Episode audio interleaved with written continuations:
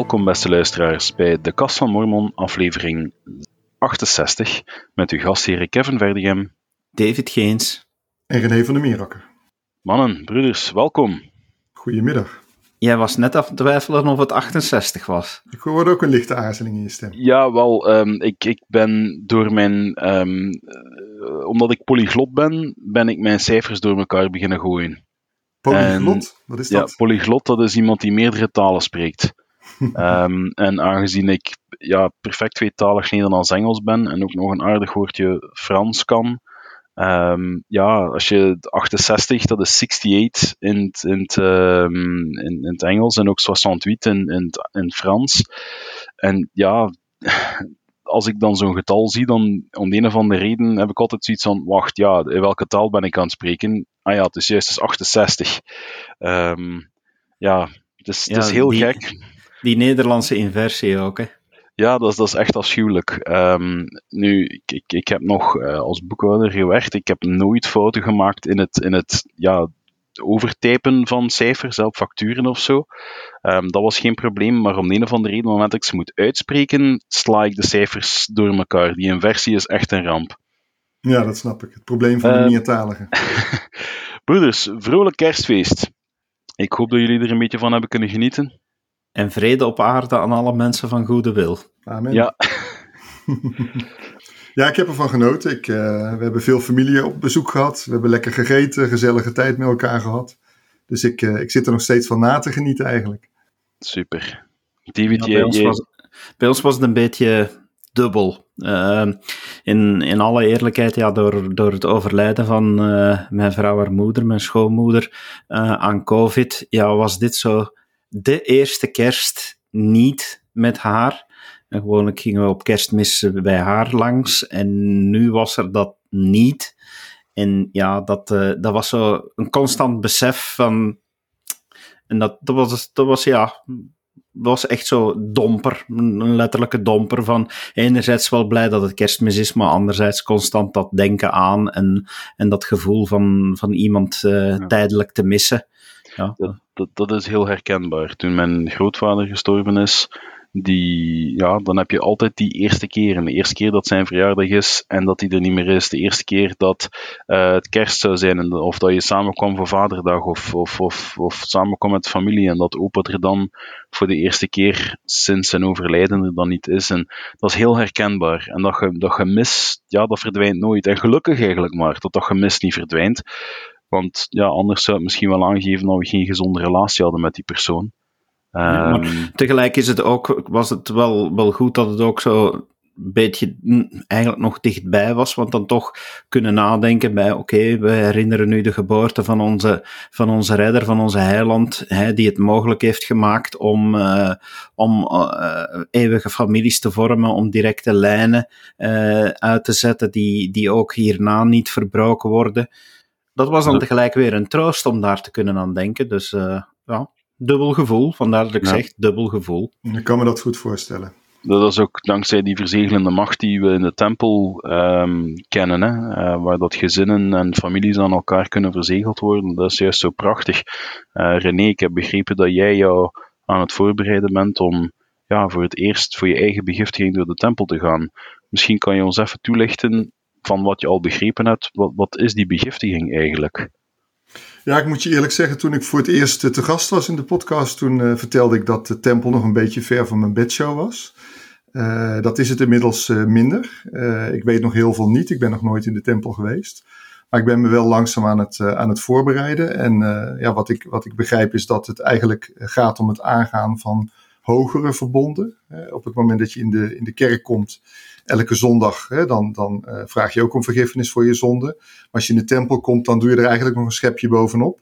Dus de verbonden die je dan aangaat zijn extra heilig en extra uh, zwaar, zou je kunnen zeggen.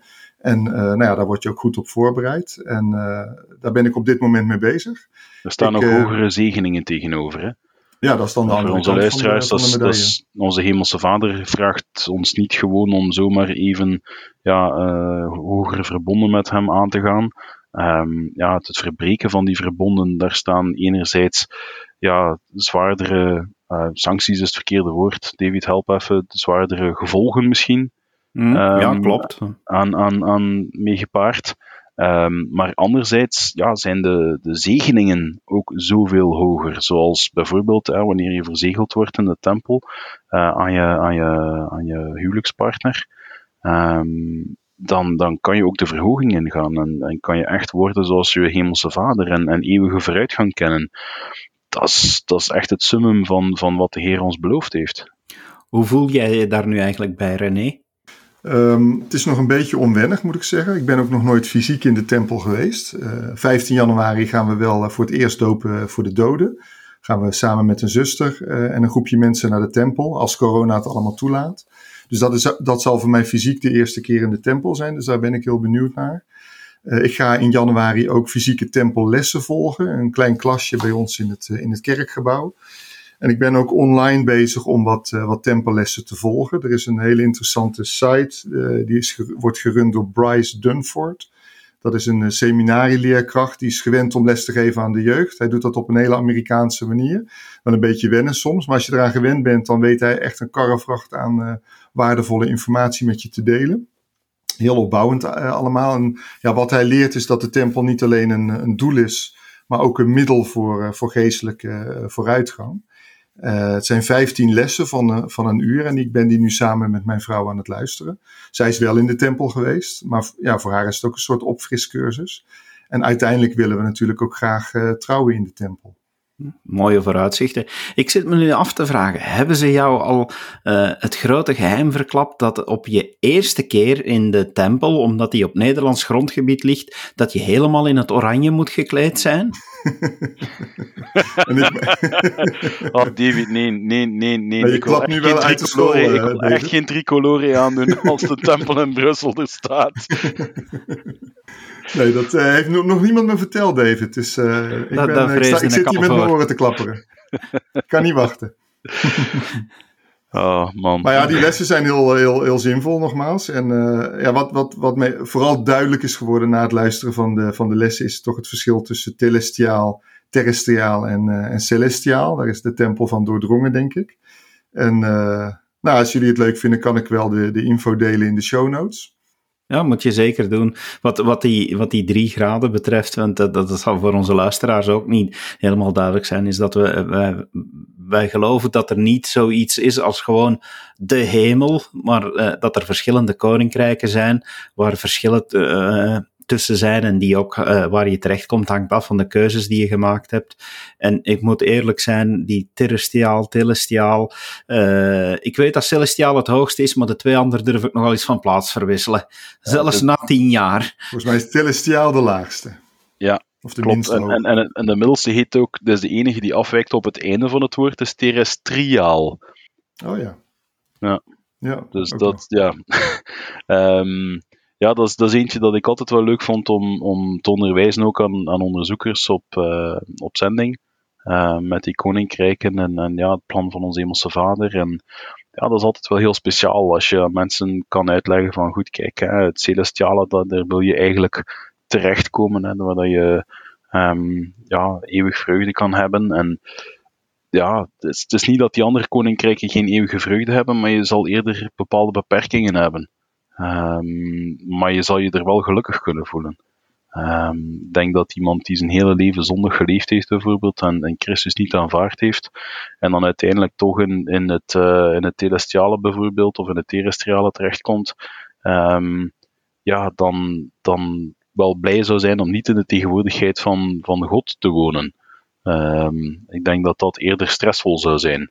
Uh, ik, weet niet meer in welke schrift dat het juist staat, maar het idee van Um, dat je bij het laatste oordeel, als je echt heel zondig geleefd hebt en, en, en, en, en ja, kwaad en, en, en, en, en evil, zoals ze zeggen, um, dat je als het ware zou willen dat er een berg op je kon vallen, om, omdat je dan onder het volle besef staat van wat je allemaal fout gedaan hebt. Um, ja, omdat de kennis die je had voor je op aarde kwam, ja, ineens allemaal terugkomt. En dat je dan te volle beseft welke invloed je keuzes op aarde gehad hebben. En dan zul dus je ja. thuis voelen in, de hoogste, in het hoogste koninkrijk, natuurlijk. Ja, dan zou je daar niet thuis voelen. Dus het, het moet echt wel dienen als ja, dat je daar gelukkig kan zijn. Ja, um, mooi. Dat, dat, dat is het, het mooie daaraan. Nu, de tempel, ik ben recent nog in de tempel geweest ehm, voor de verzegeling van uh, mijn zus. Uh, zij is uh, midden december is zij um, ja, ge, gehuwd. Um, een heel toffe man. En heel blij om er een schoonbroer bij te hebben. Ik ben opgegroeid met drie zussen. Dus ja, die schoonbroers, dat is, dat wel een bonus. maar daartoe gekomen in de tempel, ze hebben een, een, een, renovatie gedaan sinds ik er laatst was. En door die hele corona-gedoe is het al twee jaar geleden dat ik nog in de tempel geweest ben. En ze hebben heel veel schilderijen vervangen. En een van de heel mooie dingen die er ook steeds over gezegd wordt, is dat de schilderijen die er nu zijn, um, jou meer kans geven om jezelf daarin te zien. Want heel veel van de schilderijen, ja, dat waren oud-testamentische scènes of, of uit het boek van Mormon. Um, maar als je bijvoorbeeld ja, um, van Afrikaanse afkomst was, ja, dan had je eigenlijk nergens in de tempel ook maar één schilderij waar je iemand op zag die ja, een donkere huidskleur had. Uh, of moest dat allemaal niet zijn, die ergens uh, in, in, in, in, de doopvond bijvoorbeeld, de, in de ruimte van de, waar de doopvond ook is, dat je daar misschien een afbeelding zag van, van Alma die aan de wateren van Mormon aan het dopen was. Daar had je wel eens mensen met een donkerdere huidskleur, maar echt Afrikaanse niet. En ik was zo enorm geraakt op het moment dat we ja, voor de mensen die de tempel een beetje kennen, je hebt de, de inkomhal, waar trouwens een prachtig schilderij hangt op het moment dat je van de ondergrondse parking Dat vind, dat vind ik een van de mooiste veranderingen nu. Dat, dat, dat, ah. dat schilderij van echt, Je, Jezus die je, die je verwelkomt in de tempel dat vind ik een prachtige verandering. Het is, is, een prachtig schilderij. Je komt van de ondergrondse parking onder de tempel, kom je met de trap naar boven. Je komt in de inkomhal, waar dan links de, de, de doopvond is en dan rechts de, ja, de, de, de, de andere zalen. Um, en dan heb je inderdaad dat prachtig schilderij van Christus die je uitnodigt. Um, en dan eentje, in plaats van naar links dan de doopvond, naar rechts naar de, uh, naar de, de, de de begiftigingsruimtes gaat en zo, dan heb je op het einde van het, het stuk voor de zusters en dan op het stuk van de broeders, dus op het moment dat je dan terugkeert, zie je heel prominent op het einde van de gang, dus echt op de, de, muur tegenover de gang, zie je twee schilderijen hangen van mensen van Afrikaans afkomst. Nu, de zuster die heeft haar haar helemaal in vlechtjes. Um, en, en eigenlijk een heel moderne haarsnit ook. Um, en, en zij zit in een pose van ja, worshipping. Dus, dus je ziet zo wat licht dat op haar valt. Ja, je moet er een beetje bij bedenken waar ze misschien naar kan, kan aan het kijken zijn. Um, maar een heel mooi schilderij. En omdat wij van de, de grote verzegelkamer kwamen, kwamen wij terug van de kant van de zusters. En dat was het eerste schilderij dat ik zag. En dan zei me iemand, ja, maar dan moet je eens gaan kijken welk schilderij er bij de broeders hangt. En dan zie je een man van Afrikaanse afkomst die vermoedelijk zijn zoon een priesterschapszege geeft, of, of ze zijn alle twee in het wit gekleed. Um, dus vermoedelijk uh, na een doop uh, de gave van Heilige Geest gevend.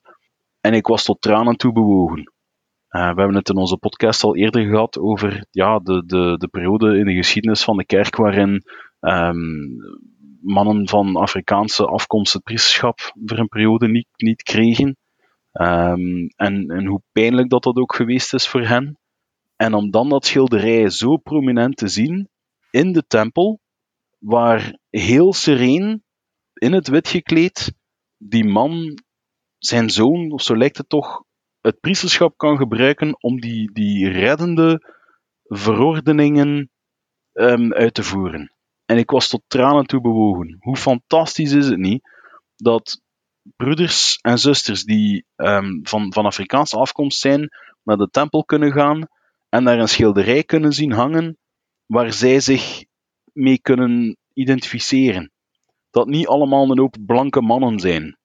Ik vind het, het is, het is zo mooi, het is zo simpel. En ik wil aan onze luisteraars ook duidelijk maken, die geen lid zijn van de kerk, er was niks dat zei van, daar mag geen schilderij hangen van iemand van Afrikaanse afkomst maar het werd gewoon nooit gedaan. En nu is dat een bewuste keuze om dat wel te doen. En ik vind het fantastisch. inderdaad, uh, heel mooi. Um, een vraagje dat ik, uh, dat ik ook heb voor jullie. Uh, wat vonden jullie van de kerstboodschap van onze profeet? Hebben jullie die gezien, beluisterd? Ik heb die nog niet beluisterd. Ik heb hem ook nog niet beluisterd, nee. Ah, dan, dan moeten jullie dat zeker doen. Echt wel, wel een aanrader. Um, om, om aan zijn oproep uh, gehoor te geven en toch even stil te staan uh, bij het feit van hoe belangrijk het is dat wanneer je beseft wat kerstmis betekent en dat we dan de geboorte van onze redder uh, herdenken en, en wat dat allemaal, wat hij allemaal voor ons betekent en dat hij het licht is in ons leven, om dan ook een poging te ondernemen om dat licht te zijn voor anderen om uh, met kleine, simpele daden echt mensen uit donkere dagen, en ik vind dat heel symbolisch, we zijn nu sowieso de donkerste dagen van het jaar, maar ook door heel de, de pandemie uh, zitten er heel veel mensen toch een beetje in een, in een duister gevoel. Ja, hoe dat je dan toch met eenvoudige dingen het licht kan zijn in iemands leven. En ja, ik, ik was persoonlijk enorm geraakt door, uh, uh, door dat deel. Want ik denk dat er meerdere facetten wel zitten in, uh, in zijn filmpje dat verspreid is. Maar dat was bij mij persoonlijk heel sterk aangekomen.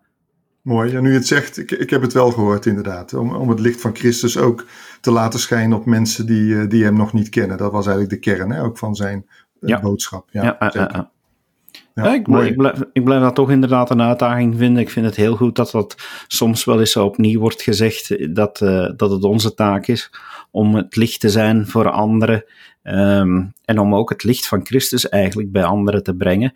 Eh, de mooiste uitspraak dat ik daar ooit heb over gehoord is van oké, okay, het, het licht van Christus is uniek en kan enkel van hem komen, maar wij kunnen wel de spiegels zijn die het reflecteren. En uh, dat, vind ik, dat vind ik toch een heel mooie taak, want dat houdt in dat je ook maar zuiver genoeg moet, moet zijn om, om te kunnen spiegelen. En dat je effectief moet richten naar Christus om uh, het licht te ontvangen. En dan ook tegelijk richten naar, uh, naar de andere persoon om het licht daar naar door te sturen. Dus ik vind dat een heel mooie vergelijking en, en daar moest ik aan terugdenken. Ja, eens. En het kan ook in hele kleine dingetjes zitten. Hè? In je dankbaarheid betonen, betuigen bijvoorbeeld. Of gewoon iets kleins doen voor een ander. Het hoeft niet gelijk in hele grote gebaren te zitten, denk ik. Ik vind, ik vind het altijd heel fijn om iemand een oprecht compliment te geven. Ja. En dat kan gewoon op een onbewaakt moment zijn. Een collega die naar de kapper geweest is of, of besloten had om een baard te laten staan en ik vind die staat er goed mee. Wel, ik zeg dat dan van hey, kerel, uh, je baard laat staan, je staat er wel goed mee. En je ziet mensen opvreugelijken. Um, het, het, het, is gewoon leuk om een compliment te, te krijgen en ik doe dat dan ook oprecht. En dat is gewoon fijn. Dat is gewoon echt heel fijn om iemand een, een oprecht compliment te kunnen geven. En dat maakt hun dag ook. Ja. Wat, wat ik heb zitten bedenken toen ik, uh, toen ik echt begon na te denken over uh, de boodschap van president Nelson, dat was dat we ja, denk ik dat iedereen heel makkelijk denkt: oh ja, wat kunnen we nog eens doen voor, voor die persoon? Kunnen we die eens nog eens gaan bezoeken? Kunnen we daar een bloemetje naartoe brengen of iets lekkers of zo? Maar dan bedacht ik mij, en daar heb ik nu toch uh, de afgelopen tijd echt uh, meer aandacht aan gegeven, dat is, dat is effectief aan het licht van Christus brengen, betekent dat ik toch weer iets actiever zoek naar manieren om op een heel open, uh, simpele manier duidelijk te maken dat ik de leer van Christus volg. Uh, zonder daarin belerend te willen zijn, maar echt uh, te willen meegeven dat dat voor mij een pluspunt is en dat ik daarvan geniet uh, en dat ik daar blij om ben en dat ik dat dus ook wil, wil laten zien aan anderen ja, in die zin gelukkig ben ik, uh, ben ik door mijn hersenbloeding gehandicapt en zien mensen dat. En dan is dat vaak een heel makkelijke reden om te zeggen, ja, zonder mijn geloof was ik er niet door geraakt. En dan en vragen mensen over geloof en, dan kan je daar uh, wat over praten. Maar ik ben toch blij dat ik me er weer iets bewuster van ben om aan anderen te zeggen, kijk, ik geloof en dat maakt me blij. Nou, goed dat je dat zegt, David, want uh, ik moest daaraan denken. Een paar jaar geleden was ik nog geen lid van de kerk. Als ik zendelingen was tegengekomen uh, op het marktplein, dan was ik denk ik in een grote boog om ze heen uh, gelopen. dus dat, dat had voor mij denk ik op dat moment niet gewerkt, zeg ik met enige voorzichtigheid, want ik weet natuurlijk niet hoe dat geweest zou zijn. Maar als ik bijvoorbeeld denk aan bepaalde broeders in de kerk, hè, die, waar ik het heel goed mee kan vinden. Stel dat dat collega's van mij geweest waren, hè, waar ik een andere zakelijke band mee had gehad. Als ze dan tussen neus en lippen door uh, hadden verteld over hun geloof, dan was ik wel gaan denken van, ik heb die persoon heel hoog zitten. zij, zij geloven iets, dan wil ik op zijn minst daar meer van weten. Dus ik denk dat die voorbeeldfunctie uiteindelijk ook heel, heel belangrijk is. En die moeten we niet onderschatten met z'n allen. Nee, en dat betekent niet dat we moeten gaan beginnen, hè, want ja, bij ons wordt ook altijd gezegd, ieder lid een zendeling, maar dan moeten we ook niet als voltijdzendelingen beginnen rond te lopen en, oh, en, en iedere maand tien, tien keer een boek van Mormon uitdelen. Dat, dat hoeft allemaal niet. Ik denk inderdaad in kleine, simpele gebaren laten merken dat je gelooft. Ook de moed hebben om wanneer je ergens ja, iets gaat eten. Oké, in deze tijden weer, eh, als horeca gesloten wordt, uh, moeilijker. Zeker nu nog iets meer in Nederland dan in, dan in België. Maar ja, toch die moed hebben om te zeggen met je gezin, eh, laat ons het, het hoofd buigen en een kort gebed zeggen ja, je weet maar nooit wie het ziet en wie het oppikt en, en ziet van, hé, hey, er zijn nog mensen die, die, daar, die daarvoor staan en ja, die misschien geprikkeld worden en er beginnen over na te denken. Ja, precies. Je hoeft het niet van de daken te schreeuwen, maar je kunt het op een hele subtiele manier duidelijk maken. En als mensen dan dat voelen of geïnteresseerd zijn, dan kunnen ze altijd daarop doorvragen. En dan heb je ook een haakje om het gesprek aan te gaan. En dan is het aan de andere persoon of die daar open voor staat of niet. Ik heb op zending jammer genoeg een collega gehad die dacht dat hij God's gift to humanity was. Echt zo Gods geschenk aan de mensheid. En dat hij de overredende kracht zou kunnen zijn om mensen uh, ja, tot bij Christus te brengen en gedoopt te krijgen. Um, maar die had zo'n grote eigendunk en die was zo cijfertjes, cijfertjes, cijfertjes, dat hij voorbij ging aan het individu waarmee hij sprak. En die heeft een stuk of vijf van onze onderzoekers gewoon weggejaagd met zijn manier van pushy zijn. En dan heb ik zoiets van, ja, dan heb je het toch echt, echt, echt niet begrepen. Um, een van de dingen die, die hij. De eerste keer dat ik hem ontmoette, was hij zonenleider in Aberdeen. En hij uh, was ons na een zonneconferentie naar verschillende appartementen van zendelingen aan het brengen om daar de nacht door te brengen. Het was een tweedaagse conferentie, we moesten daar uh, blijven slapen. Uh, we passeren aan een stuk en die vertelt mij, ja, dit is, is technisch gezien ons gebied, hè, maar hier gaan we vaak um, met meerdere teams uh, op straat mensen aanspreken. Maar, zegt hij, we zijn daarmee gestopt, want we vonden alleen maar mensen voor de andere elders om te onderwijzen. En ik wil ook onderwijzen. En ik ben zo boos geworden. Ik had zoiets van, man, ik zeg, als, als daar nu toevallig iemand is die ja, voor het evangelie, ik zeg, maar iemand anders gaat die dan onderwijzen. Je bent toch maar een werktuig in de handen van de Heer. Als de Heer u inspireert om op dat moment daar mensen op straat te gaan aanspreken, ja, dan ben jij gewoon een werktuig in de handen van de Heer geweest om die mensen dichter bij Christus te brengen. Ik zeg, hoe trots kan je zijn dat je zegt van, ah nee, ik heb dan liever dat die persoon de Heer niet ontdekt, dan dat ik die niet zelf ga kunnen dopen. En ik, is later mijn collega geworden, Um, tot groot jolijt van mijn zonenleider, die mij tekeer had doorgegaan tegen die kerel op dat moment.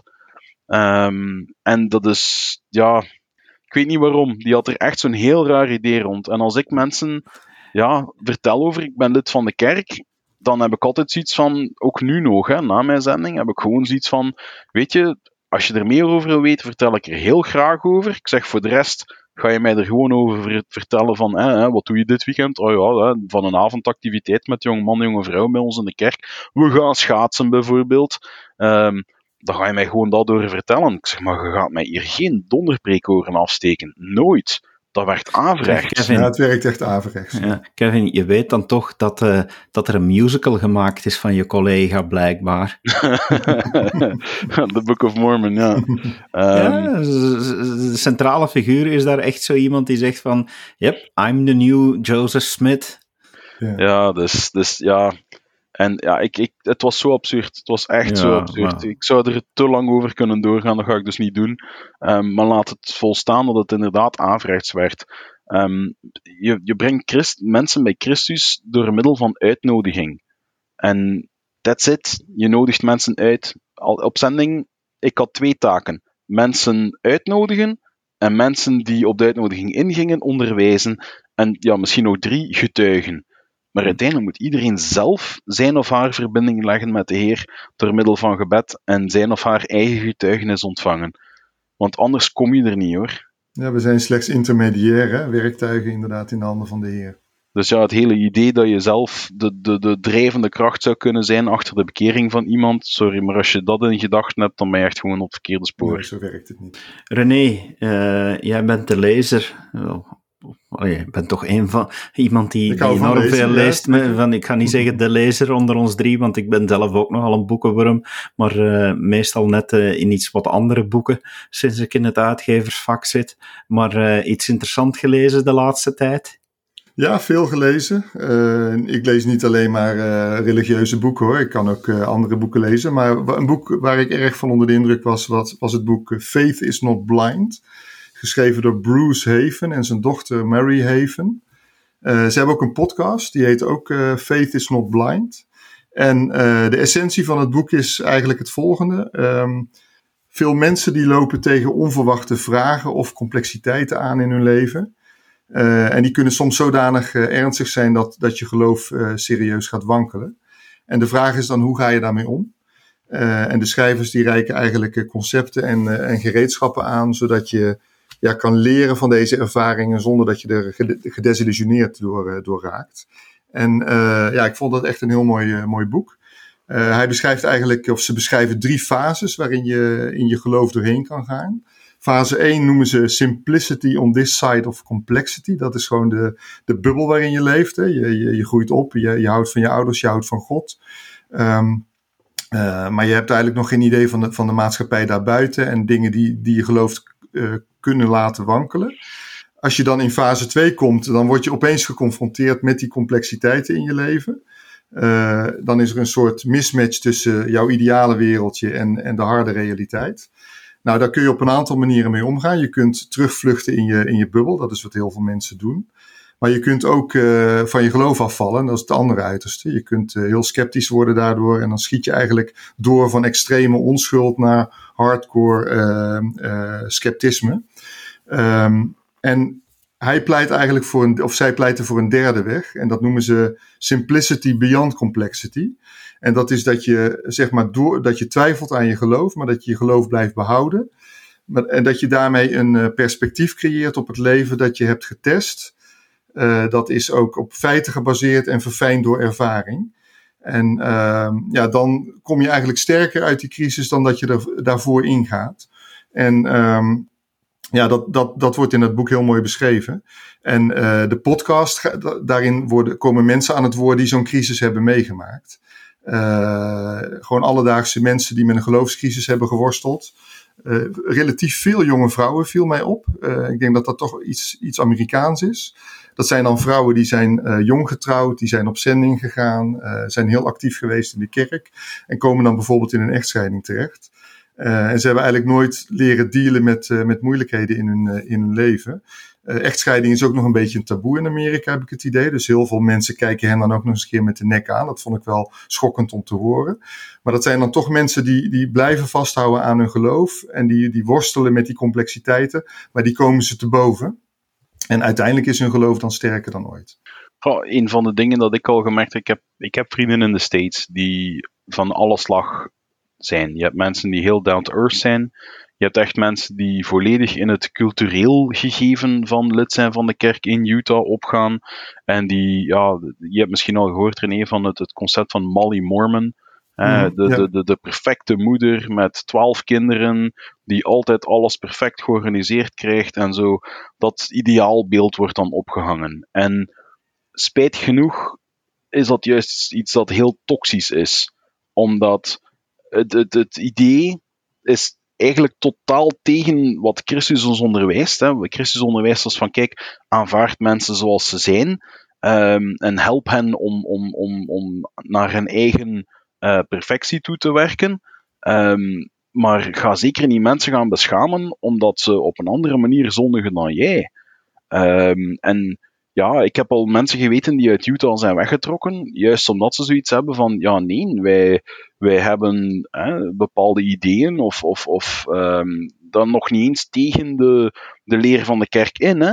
Gewoon niet dat stereotype Molly Mormon. Ja, en die dan zoiets hebben van het is, het is ook, opties. het, het is ook, eh, ja, het- dat is, dat is toch iets wat niet alleen in onze kerk zit, maar wij mensen, wij, wij, wij oordelen zo graag in Christus. Oh, wist dat al, want hij, hij spreekt over de splinter en de balk, eh, de uitspraak die iedereen wel kent. Maar ja, in onze kerk wordt toch ook makkelijk gereageerd van, oeh, die heeft lang haar, dat is niet echt een, eh, een typisch kapsel. Hè? De- Of, of, of, Oh, of- die, die, die, heeft, die heeft tatoeages. Oh, kijk, daar iemand eh, die, eh, die wat piercings heeft. of een zuster die op een zondag een broek durft te dragen in plaats van een rok. Ja. Je kunt het zo gek nog niet bedenken. Of, of daar wordt door sommigen, gelukkig niet door iedereen, het zou spijtig zijn, want anders waren we echt collectief aan het falen om te zijn zoals Christus. Maar er zijn er altijd die zo bepaalde ideeën hebben, die bepaalde. David en ik hebben het er lang geleden in de podcast al eens over gehad. Het grote verschil tussen culturele overdragingen en wat nu dan echt in het handboek staat en, en wat eigenlijk evangelie is. En wat het verschil is tussen ja, ehm, het evangelie en dan beleid van de kerk. En mensen slaan dat allemaal door elkaar en zijn vaak de meeste redenen waarom mensen wegvallen, waarom mensen crisissen van geloof hebben, is omdat ze een bepaald beeld gevormd hebben van zo zit de kerk in elkaar, zo zit het evangelie in elkaar. En dat als een, als een perfect doosje ingepakt hebben, vastgenageld, en daar mag niks meer aan veranderen. Maar dat is ook de reden waarom dat, eh, als ik zoiets hoor, dat ik al eens durf vragen van, eh, ben jij dan zoveel perfecter? En als men daar ook maar enigszins een antwoord op geeft, want niemand zal ja antwoorden op die vraag, maar dat men toch zegt, ja maar dit of ja maar dat, dan heb ik altijd zoiets van, ja maar als je perfect bent, dan hoor je hier niet thuis, want dit is een kerk van imperfecte mensen. Ja, dus ja, eh, laat die perfecte die mogen oordelen, ja, die moeten dan maar een andere kerk zoeken, want die horen er bij ons niet.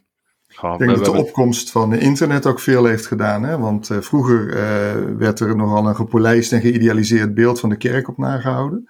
Eh, nou ja, dan heb je natuurlijk ook onderwerpen die, die best moeilijk zijn in de kerk. Hè? Zoals dat wat je net noemde, hè? Over, over donkere mensen die het priesterschap niet, niet hadden.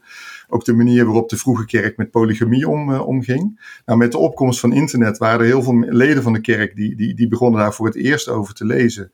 En die begonnen echt te twijfelen van, hè, mijn geïdealiseerde beeld van de kerk strookt niet met de werkelijkheid. En ik denk dat, dat onze kerk en de leiding van onze kerk daar op een hele goede manier mee, eh, mee om is gegaan. En dat zie je ook bijvoorbeeld aan de Joseph Smith Papers. Gewoon volledige openheid. Echt een soort wetenschappelijke benadering. Eh, en ehm, ja, in combinatie eigenlijk met het nuanceren en, en ook kaderen en kanaliseren van die problematische eh, aspecten van de kerk. Dus daar ook niet voor weglopen. Mijn vader had daar een hele mooie op, die al jaren geleden, nog voordat president Oefdorf ooit met zijn befaamde toespraak van eh, Doubt your doubts before you doubt your faith afkwam, had mijn vader al zoiets van, ja, zegt hij, ik twijfel soms aan bepaalde dingen. Ja, ik heb bepaalde zaken waar ik mij vragen bij stel.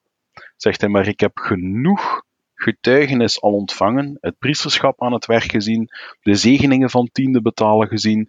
Ehm, zegt hij, mijn getuigenis van wat ik heb, van de kern van het evangelie, is voldoende om tegen de Heer te durven zeggen van kijk, ik heb mijn twijfels bij dit, maar ik vertrouw u genoeg om te, te, om te vertrouwen dat je, dat, je, dat je het beste met mij voor hebt en dat ik op het juiste pad zit.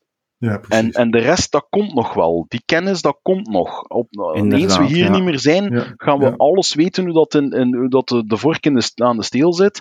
En ja, dat, dat, je kan het pas dan echt ten volle weten. Want zelfs nu, ja, we, we geloven dat de Bijbel het woord van God is, voor zover hè, de vertaling klopt. Maar we weten sowieso al, ook uit het boek van Mormon, van dat is zoveel veranderingen doorgemaakt.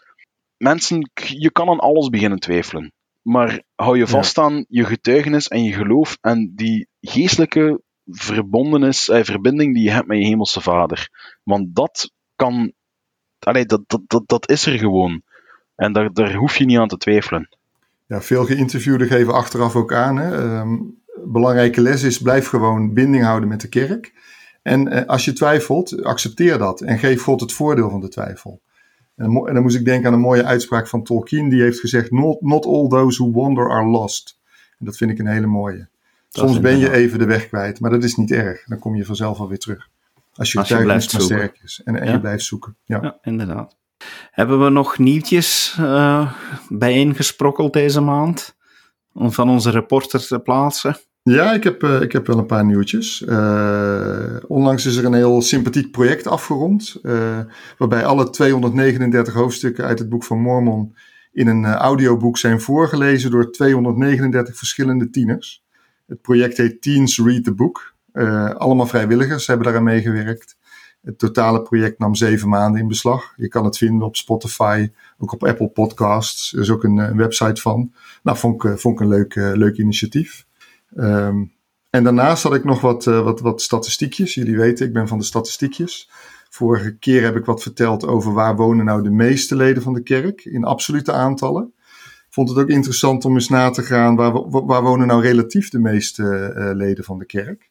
Uh, om, om even het, brede perspectief te schetsen. Wereldwijd hebben we ongeveer 17 miljoen leden.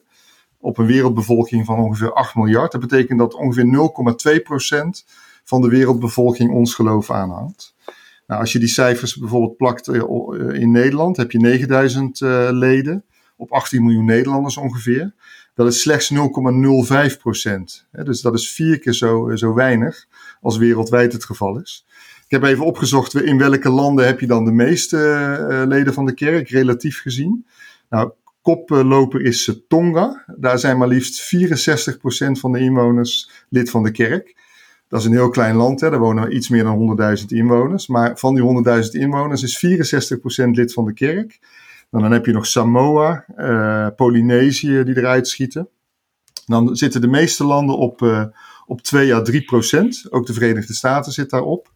Uh, en nou ja, ik weet niet hoe de cijfers in België of in Vlaanderen zijn, maar die, ik denk dat dat een beetje vergelijkbaar is met, met Nederland. Maar wij zitten dus relatief echt aan de onderkant. We hebben nog een heel pak werk te doen. Precies. Ik hoop maar ik denk, dat ik denk dat we... Ik denk dat we doopbonnen moeten beginnen uit te reiken of zo in, via deze podcast. van, ja, schrijf je hierin en wordt volgende maand gedoopt. Uh, ik weet niet, een of andere winactie of zo. Of, of, of misschien zo een, ehm, een, een, een, samenwerking met van die geschenkbonfabrikanten. Um, zo in plaats van een, een, een, een avondje met twee gaan tafelen of een spa-treatment, gedoopt worden zo. Nou, gratis. het presentatorenteam van de Kast van Mormon. Overigens, die absolute getallen die zeggen niet alles. Hè? Want bij een maaltijd, realiseerde ik me, bestaat misschien uh, eh, 0,5% van de ingrediënten uit, uh, uit zout. Dat is ook heel weinig. Maar zonder dat kleine snufje zout zou het hele gerecht anders smaken. Dat is een mooie. Yep, inderdaad. Ja, dus uh, het is al uh, bijzondere tijd geweest. We, we zijn uh, het einde van, van het jaar. Dit wordt opgenomen op 29 december, dus nog enkele uurtjes en 2021 zit erop. Op heel veel punten lijkt het op 2020, hebben we allemaal wel het gevoel. Maar wat zijn voor jullie zo toch belangrijke momenten waarop je terugkijkt. En dat kunnen zowel hoogte als, als dieptepunten zijn. Oh, en nu wordt het stil. Wauw. ik, moest even, ik moest even denken. uh, ik wist ook niet of dat René niet eerst wou gaan. Uh. Ja, ik wil wel eerst gaan. Ik heb, ik heb een heel goed jaar achter de rug. Ik ben natuurlijk in januari gedoopt. Dat was voor mij een absoluut hoogtepunt. Maar goed, ik heb dit jaar ook mijn uh, Aronisch priesterschap gekregen, mijn Melchizedeks priesterschap. Ik heb heel veel geleerd uh, het afgelopen jaar. Heel veel nieuwe mensen leren kennen in de kerk. Uh, ik heb ook mijn, uh, mijn roeping gekregen als wijkzendingsleider. Nou, daar ben ik heel druk mee bezig. Vind ik heel leuk om te doen. maar ook privé, overigens, is het een heel goed jaar geweest. Ik heb veel gelezen, veel muziek geluisterd. Hele fijne vakantie gehad met mijn, met mijn familie. En zakelijk mag, mocht ik absoluut niet klagen dit jaar. Ik heb een van de beste jaren ooit gehad. Dus het, het, ja, ik moet echt moeite doen om dieptepunten te, te bedenken voor dit afgelopen jaar. Voor mij was het ook het jaar waarin ik mijn depressie eindelijk achter de rug heb kunnen laten. Uh, ik, heb, ik heb echt jarenlang met een, met een depressie rondgelopen. Um, en ik ben nu al, ja, het zal ondertussen al een maand of vijf zijn, denk ik, zoiets dat ik volledig medicatievrij ben.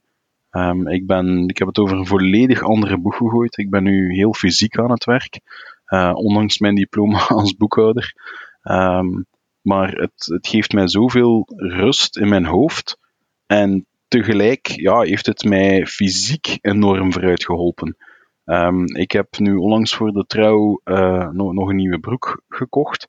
En de verkoopster die kwam af, ja, hier een maat 50. Ik denk wel dat die zal passen. En ik had iets van, wow, hè, de, de broek die ik nu aan heb is wat een 56 of zo. Ik zeg, dat is, dat is, twee maten uh, of drie maten eronder. Ja, nee, zegt ze, ik denk wel dat die gaat passen. En effectief, die past. En dan moet je weten dat ik op mijn zwaarste op een 58 zat, dus ik ben vier broeksmaten verloren. Um, ik kom van 130 kilo, ik weeg er nu nog 110.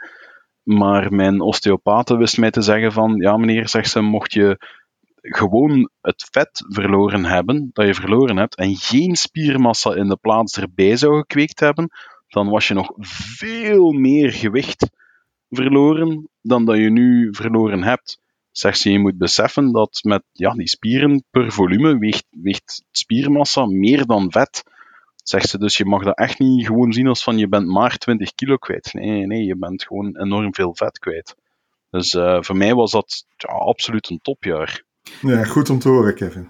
Moet je er wel aan denken dat je sneller zinkt, hè? want ja, uh, minder vet om te drijven.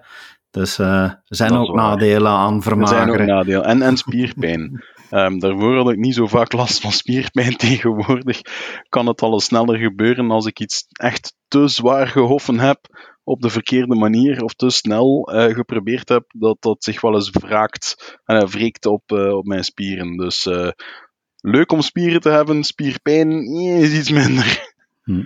Nou, super om te horen. En jij David, hoe was jouw jaar? Wel, ik heb er wat zitten uh, recent over nadenken en ik had eerder zoiets van, well, ja, dit is voor mij toch een vrij vlak jaar geweest, uh, weinig uitschieters uh, naar eender welke richting. Natuurlijk nu op het einde het overlijden van mijn schoonmoeder, dat was echt wel een dieptepunt, me veel harder geraakt heeft dan dat ik zelf op voorhand zou gedacht hebben. Waarschijnlijk ook omdat het zo onverwachts was en dat, dat dit virus, dit, dit ja, verschrikkelijke virus, dat het toch zo, zo dichtbij kwam. Anderzijds is het ook een jaar waarin dat ik dan toch moet zeggen van, als ik het dan begin dieper in te zoomen, dat ik heb van, ja, maar eigenlijk is het niet zo vlak geweest, van, ik heb misschien zelf minder, ja, gewerkt om, om echt hoogtepunten te creëren en dergelijke, maar het is wel een jaar geweest waarin ik verbazingwekkend vele keren te horen heb gekregen dat ik iets heb kunnen betekenen voor anderen. Uh, op een manier dat dan niet mijn bedoeling was en dat ik gewoon dacht van, och ja, ik doe gewoon weg hè, wat van mij verwacht wordt uh, in mijn roeping, dit is normaal. Ik had zo, vandaar dat ik het een vlak jaar noem, omdat het voor mij allemaal zo was van, dit is normaal.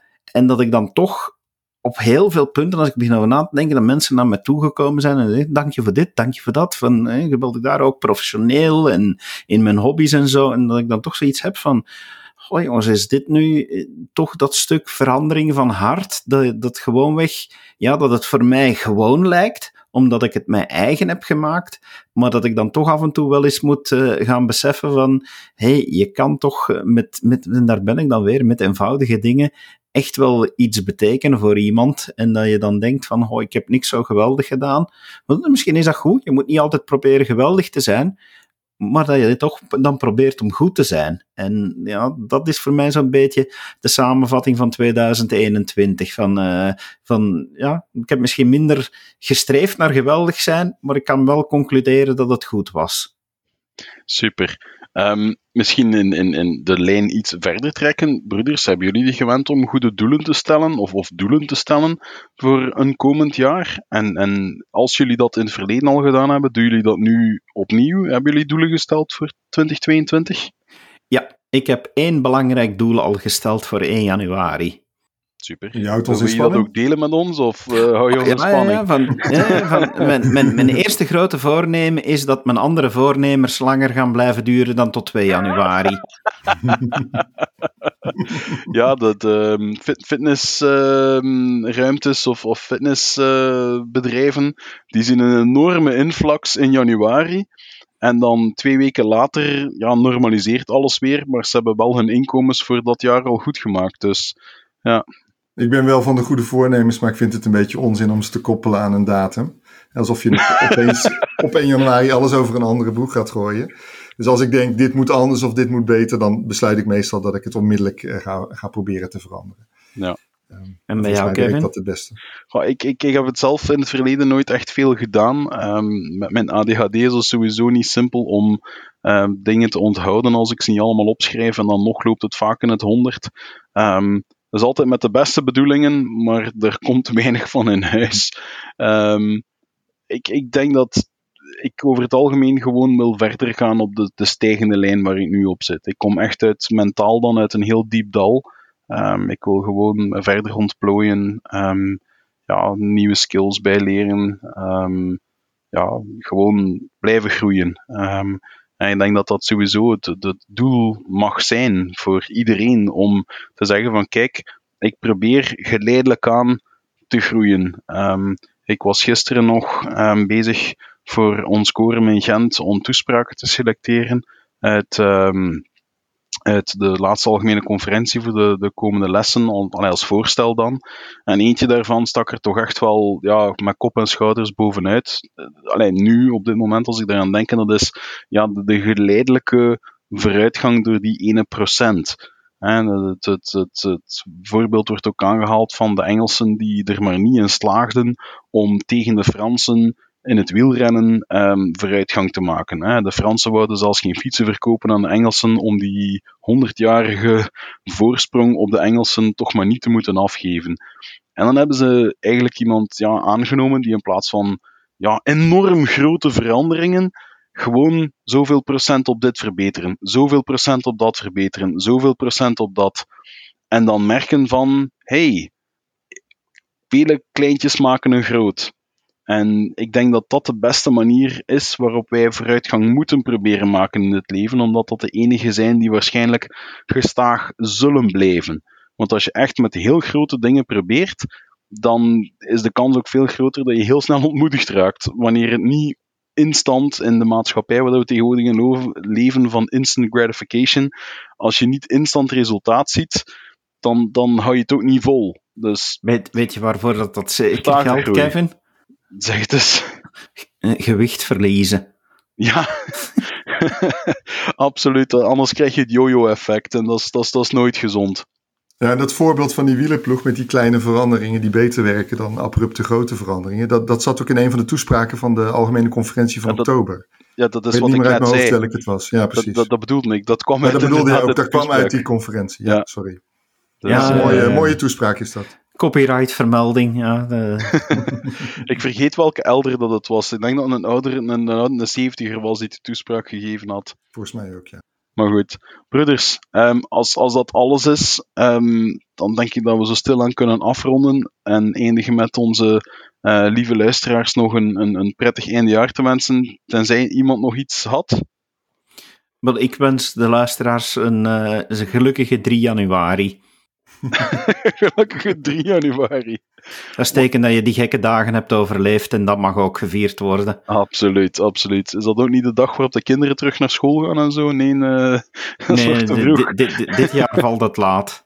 Oké. Okay. volgend, eh, volgend jaar valt het laat, hè? Oké, okay. alle het op een stokje, lieve luisteraars, eh, bedankt voor het luisteren. Uh, we horen jullie heel graag, jullie vragen, jullie commentaren. Um, dat kan op onze Facebookpagina van de Kast van Mormon. Je kan ons ook steeds e-mailen op zeggend Of je kan David, mezelf of René ook um, ja, via onze sociale media uh, bereiken um, om onze vragen te stellen, om ons vragen te stellen. En dan gaan we die heel graag behandelen tijdens een volgende podcast. Dit was het dan van ons uh, voor 2021. Um, geniet nog van de feestdagen. Geniet van de tijd die je kan doorbrengen met je geliefden. Um, en mocht je op dit moment voelen dat je geen geliefden hebt, weet dan dat Christus enorm veel van je houdt. Uh, en echt het allerbeste um, voor je wil. tot de volgende keer dan maar weer. Dag. Dag. Tot ziens.